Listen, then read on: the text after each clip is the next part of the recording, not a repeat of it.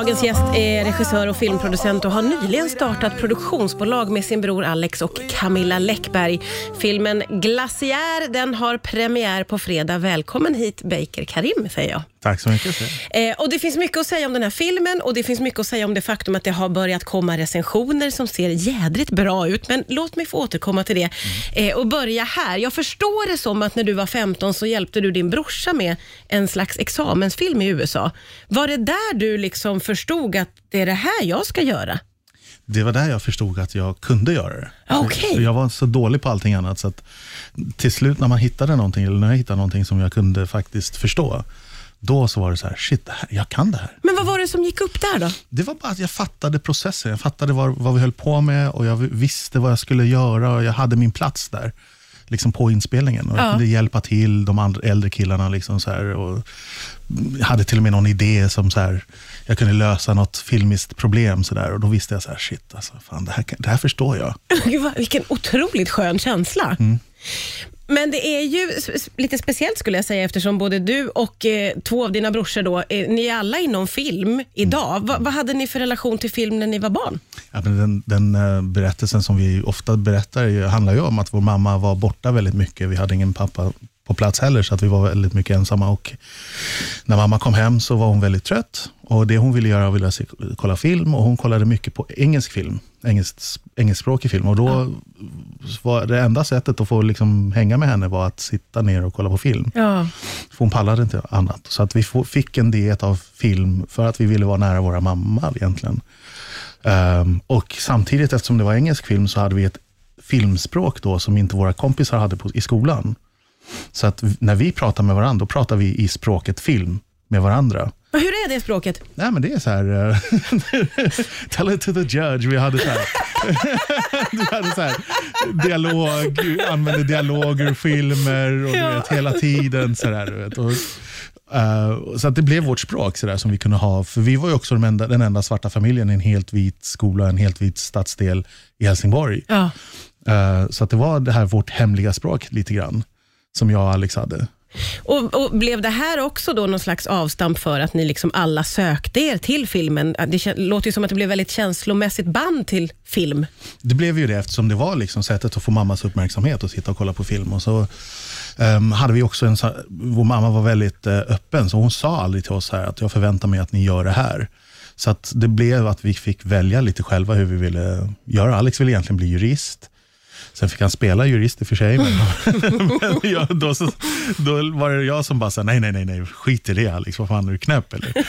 Och du ska bli liksom framför kameran, så jag höll ju på att plåta honom och du vet, jag Ja. ju, plågade honom helt enkelt framför kameran. Och sen så um, stack vår äldre bror iväg och då var det bara så här, det var bara naturligt att film är grejen. Mm. Film är grejen och, och nu i, i, i vuxen ålder då får man ju hoppa till, så startar ni alltså produktionsbolag ihop och det gör ni tillsammans med Camilla Läckberg. Man blir så nyfiken på er som trio. Eh, hur, hur uppstod den här, det här projektet? Nej, men projektet uppstod, först så var det Alex och Camilla som träffades. Och de träffades på Stjärnorna på slottet och sen så pratade Alex och Camilla om ett projekt som jag och Alex hade. Eh, och Sen så pratade vi då om, om det projektet och Camilla hade en lösning på vårt manus. Så hon bara, så här, så här löser man det. Och Det var jättefett liksom, att ha någon som verkligen kunde förstå det från ett annat perspektiv. Ja. Där vi inte hade ens funderat i de termerna. Eh, och Sen så började vi bara prata. Och sen varje gång vi pratade så pratade vi om nya projekt. Och Sen så blev det så här, ja, men den här idén och man skulle göra så här och man skulle göra det här. Och till slut så insåg vi att vi hade så mycket IP, alltså intellectual property. Alltså vi hade så mycket idéer och grejer.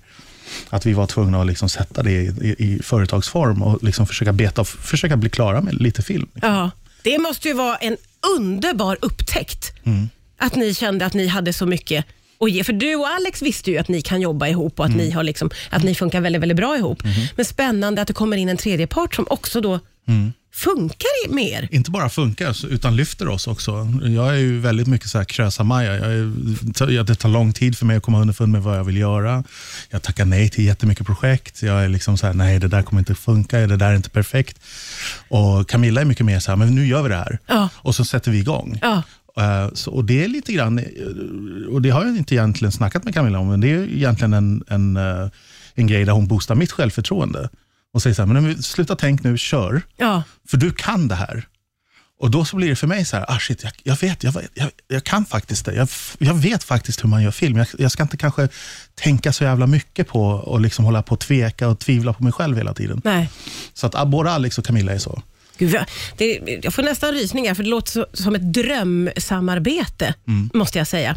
Eh, du har ju eh, i, under lång, lång tid förespråkat mångfald.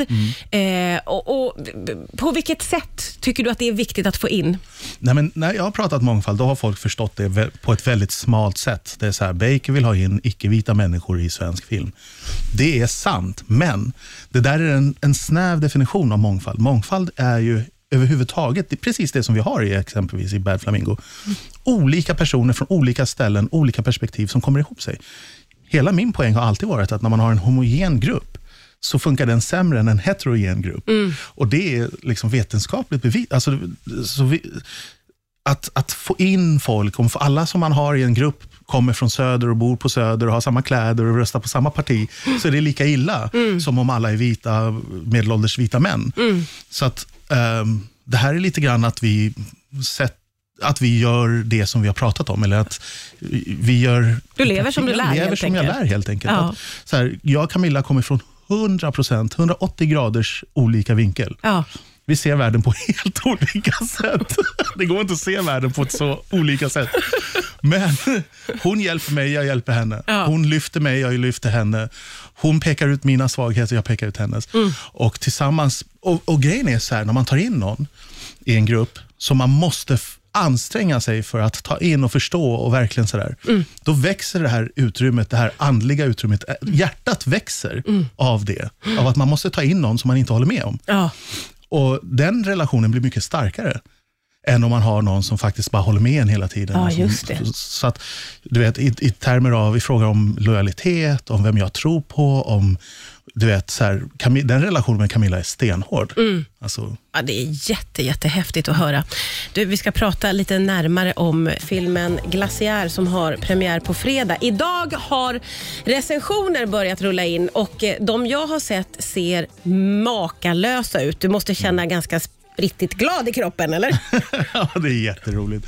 Det varit riktigt roligt att läsa, det var någon från Norge nu, som, och läsa att filmen heter Jökel på norska. Ja, jag tyckte var- såg det. Bara en var sån sak. Det tyckte jag var. Jökel. Nej, men däremot så också så här att man, vet du vad som är skönast? Det finaste är när en recensent har sett någonting i filmen som kan, som, där man förstår att den personen har förstått filmen. Mm. Och Det var någon som skrev så här, det här är inte en kärleksfilm mellan två människor, det är en kärleksfilm med, med mänskligheten.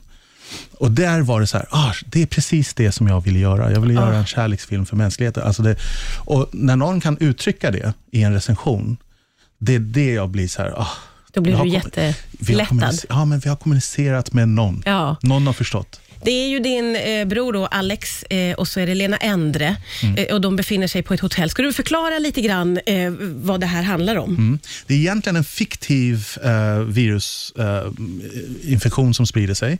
Så vi spenderar inte jättemycket tid på den. Det är inte corona eh, och det är lite längre fram i framtiden. Så.